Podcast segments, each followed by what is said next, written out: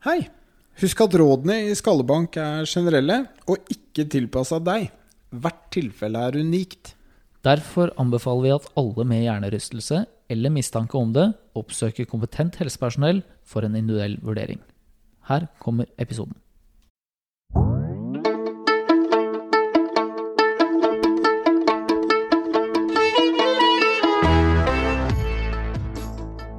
Hei og velkommen til Skallebank. Mitt navn det er Lars Martin Fischer. Og jeg heter Narve Bjørneseth. Og i denne episoden så skal vi prøve å oppsummere litt hva som har eh, skjedd eh, siden siste episode. Litt om hjernerystelse nå. Og du har jo vært på kongress. Ja, det begynner å bli en stund siden nå. Nå skriver vi april 2023. Eh, oktober 2022 så var jeg i Amsterdam på den sjette internasjonale konsensuskongressen for concussion in sport, eh, som det så fint het. Altså det, eh, det er jo veldig mye av forskningen på hjernerystelse som skjer innenfor idrett. Og, og, den konferansen er ganske viktig i så måte, for den samler på en måte alt av, som kan krype og gå, som forsker på hjernerystelse innenfor uh, idretten, da. Ble du starstruck? Jeg ble litt sånn starstruck eh, på et par, eh, par av de jeg møtte der. Chris Giza. Han har jo liksom lagt mye av den teorien som vi bruker i, opp mot våre pasienter å forklare hva er det som, som skjer. Um, og så hadde vi jo da Mr. Buffalo Concussion Treadmill Test himself, John Leddy, Uh, dette sier jo sikkert ikke lytterne våre noen ting, men uh, for en uh, hjernerystelsesnerd så var det Bonanza. Men det har jo vært noen kontroverser som noen kanskje har fått med seg. det er litt mer sånn klinikermat, for så vidt, da. Men det, det er én forsker som har blitt beskyldt for plagiat, og han har hatt mye å si for for hjernerystelsesforskning på internasjonalt nivå. Hva var det de sa om han? Ja, altså det, det var jo da førsteforfatteren på den, den eh, Berlin-konsensusen som vi refererer mye til, altså det vil si forrige konsensusstatement, eh, Paul McCorry, eh, som har blitt tatt i plagiat. Da. Så, men det viser seg da at eh, det gjelder da eh, forskning som ikke var på en måte knytta opp mot eh, denne concussion in sports group. Eh, så, men det har de ettergått og liksom dobbeltsjekka de artiklene som han står som forfatter på. Um, så, så, det ble, var det første de tok tak i. Og så var det en annen kontrovers der også, eller i hvert fall en sånn veldig hot topic, uh, og det er jo dette med CTE. Um, veldig tydelig at det er en uh, en stor kontrovers over dammen i USA om eh, risikoen for å utvikle CTE, altså kronisk traumatisk encefalopati. Så um, det er jo kanskje ikke noe vi har hatt veldig fokus på. Vi snakket jo litt med Stian Bar Sandmo om det. Ja. Um, men um, det er en stor kontrovers i, i fagmiljøet uh, også. Uh, mye følelser i sving, og det var flere um, ja, ikke-klinikere, altså uh, pårørende av pasienter som har, har mistet livet, tatt livet, tragiske historier. Eh, men sammenhengen her vet man jo ennå ikke helt. Nei, for det, det, er fortsatt sånn at vi kan ikke si at uh, selv om du har slått hodet mange ganger og tar livet av deg selv, så betyr ikke det at du har CT. Det er jo en diagnose du stiller post mortem, altså når du titter på den døde hjernen etterpå. Ja, og så er det vel eh, Er det da Eh, hjernerystelser som er viktige her, eller er det antall eh, treff som man får i hodet som ikke gir hjernerystelser? Altså, her er det veldig mye vi ikke vet, da. Nei. Var det noe annet de snakket om det? Ja, altså her, her var jo gjennomgang av uh, syv hovedtematikker, uh, og Dette her var jo en kongress som var utsatt to år uh, pga. covid. Så på de to ekstra årene så var det jo masse ny forskning som ble publisert, så jeg tror vel de hadde om lag 90 000 artikler å gå gjennom. Eh, så, så det her er jo en massiv datamengde å gå gjennom. Så, og, og, det viste seg jo det at de, hovedmengden av det var jo de, de siste to-tre årene. Så det, det akselererer med eh, studier. Så det som var veldig gledelig, var jo at eh, vi har jo etterlyst det, vi også, mer data på jenter. Eh, så det kommer nå. Og det, det er Jentene er mye bedre representert i forskning på idrett. Så vi mangler jo fortsatt veldig mye data på de utenfor idretten, men det gjelder jo både gutter og jenter. Ja. Hva med, hva med parautøvere, ble det nevnt? Ja, det var eh, litt grann oppe, men der er det også stusslig lite som er konkret. Og eh, det som også ble påpekt, er at de yngste barna, altså de under tolv, de vet vi også fint lite om. Ja. Så vanlige, friske barn under tolv, ikke med noe spesielle Nei. Hmm. Ja, det er ganske mange vi fortsatt vet lite om, da. Og det er jo eh, Dette var jo sports concussion, og da snakker man jo ikke om vanlige dødelige, som har vært litt av problemet når vi, eh, når vi snakker med forskere her i Norge også, at, at mye av forskningen vi har, ligger jo på idrettsutøvere. Så um, hva Der er det jo er det, Ble det nevnt i det hele tatt i forhold til forskning på ikke-idrettsutøvere? Det blir kanskje litt sært på en idrettskongress, da? Ja, altså Dette her er jo en kongress som blir initiert av IOC, altså Den internasjonale olympiske komité, og det er liksom store idrettsorganisasjoner som Fifa, det er eh, Hestesportforbundet, Motorsportforbundet Det er veldig linka mot sport.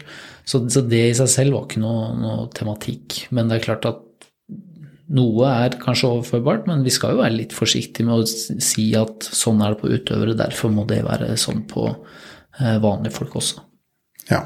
Det er jo noe vi har tenkt å ta opp i en senere episode, er jo hvor forskningen ligger på vanlige folk og hjernerystelse. For der er det bl.a.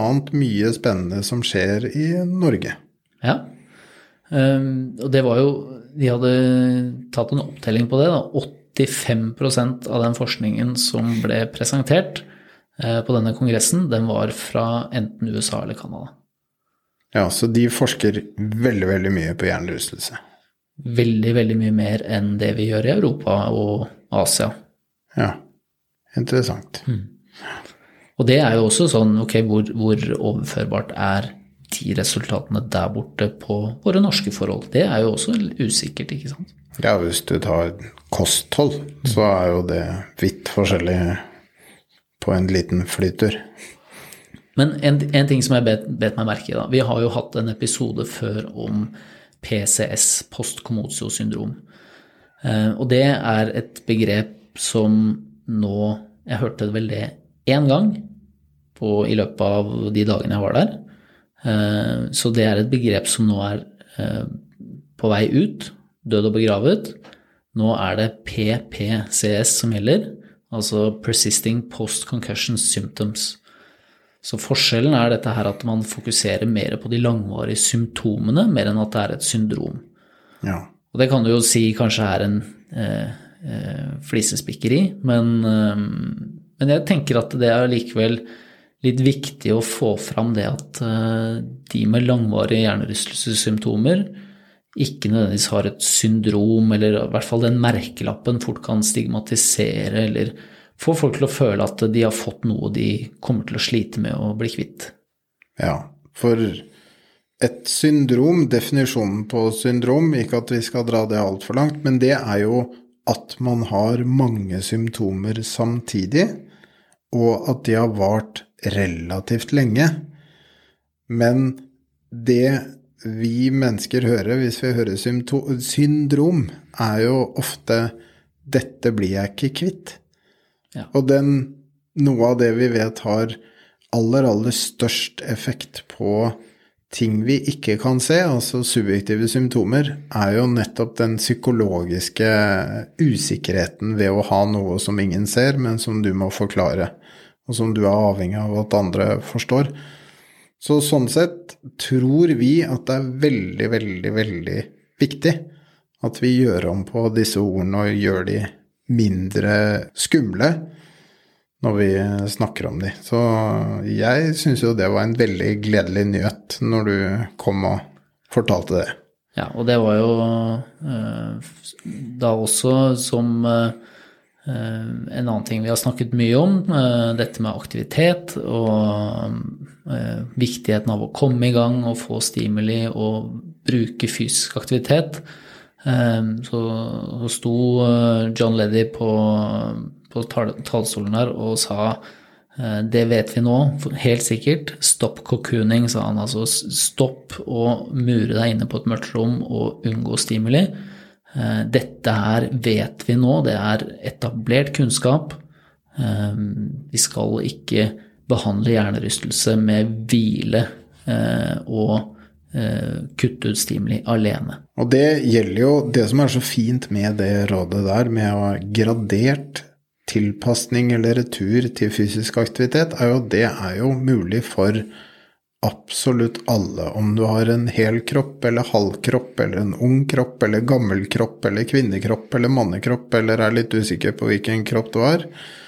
Fysisk aktivitet funker på hjernerystelse hvis vi graderer det. Ja. Så det er jo Ja, det Jeg håper jo at dette siger inn sakte, men sikkert. Men, men, som du sa helt i starten, vi har jo ikke data, altfor mye data på vanlige folk. Men på idrettsutøvere er det nå Burde være en no-brainer, som vi kaller det. Dette skal bare inn. Ja. Men vi, vi, opp, vi opplever jo det, vi også. Vi får jo en del tilbakemeldinger på uh, Skallevann-podkasten vår, da, på noen som Eh, hører på, og som får seg en øyeåpner på at oi, her kan jeg kanskje gjøre noe annet enn å bare vente. Eh, selv om det er, eh, ikke et stort antall nødvendigvis, eller nødvendigvis et representativt antall, men det må vi si takk til dere som hører på, fordi det får vi tilbakemelding om at det er faktisk noen som bruker det vi sier til å håndtere hjernerystene sine annerledes. da. Ja, det, det, er jo derfor vi starta den poden, for vi, vi, så et, eh, vi, så et, behov for å spre den informasjonen. Og for å kanskje korrigere noen, eh, noen påstander som ikke nødvendigvis eh, har så mye vitenskapelig hold per i dag. Men det er veldig kult. Så den store nyheten, kanskje hva som har skjedd det siste året, er at hovedbudskapet, det står ved lag. Bruk fysisk aktivitet. Og hør på, hør på Skallebank. De er skikkelig oppdatert. ja, det, det, sier seg selv da, med, med, den datamengden som, som uh, kommer, at uh, å få med seg alt, det klarer ingen. Og, men, men, det kan jo hende at noen av dere som hører på, også kommer over noe som dere syns er interessant. Det betyr ikke at vi nødvendigvis har lest det eller eh, vet noe om det. Så ta gjerne og send oss et eh, spennende studie, eller eh, hvis dere kommer over noe som dere syns er interessant. Så, for det, vi får ikke med oss alt. Google siler for meg, så den gir jo meg det jeg tror Det den tror jeg vil ha. Og det er jo et lite utvalg, da. Mm. Det er det. All right. Det var uh, veldig kort og greit om uh, hvor vi er nå, og en uh, kongress jeg er sykt misunnelig på at jeg ikke kunne være med på. Det kommer en ny en om tre og et halvt år. Å oh, ja. Det, ja. Nei, det var jo skal få være med da. Nesten som å vente på OL. Men takk for at dere hører på. Eh, vi hører dere og ser dere og prøver å svare på spørsmål og andre meldinger, DM, som kommer på Instagram og alt sånn. Eh, spre ordet om podden. Vi, Det er viktig at vi får ut denne beskjeden om at eh, hjernerystelse responderer på fysisk aktivitet, og det å hvile seg frisk er en myte vi er nødt til å ta livet av. Altså kan, kan du faktisk påvirke din egen situasjon positivt, da, dag for dag, ved å ta noen gode grep. Ja. Istedenfor bare sitte og vente og være redd for at ting ikke skal gå over. Nei. Det er eh, Hjernen er laget for å repareres, er vel en Er det lov å si det? Ja, det, det er lov å si det. Og brukes, ikke minst. Ja. Takk for nå. Till next time. Vi høres. Det gjør vi. Ha det.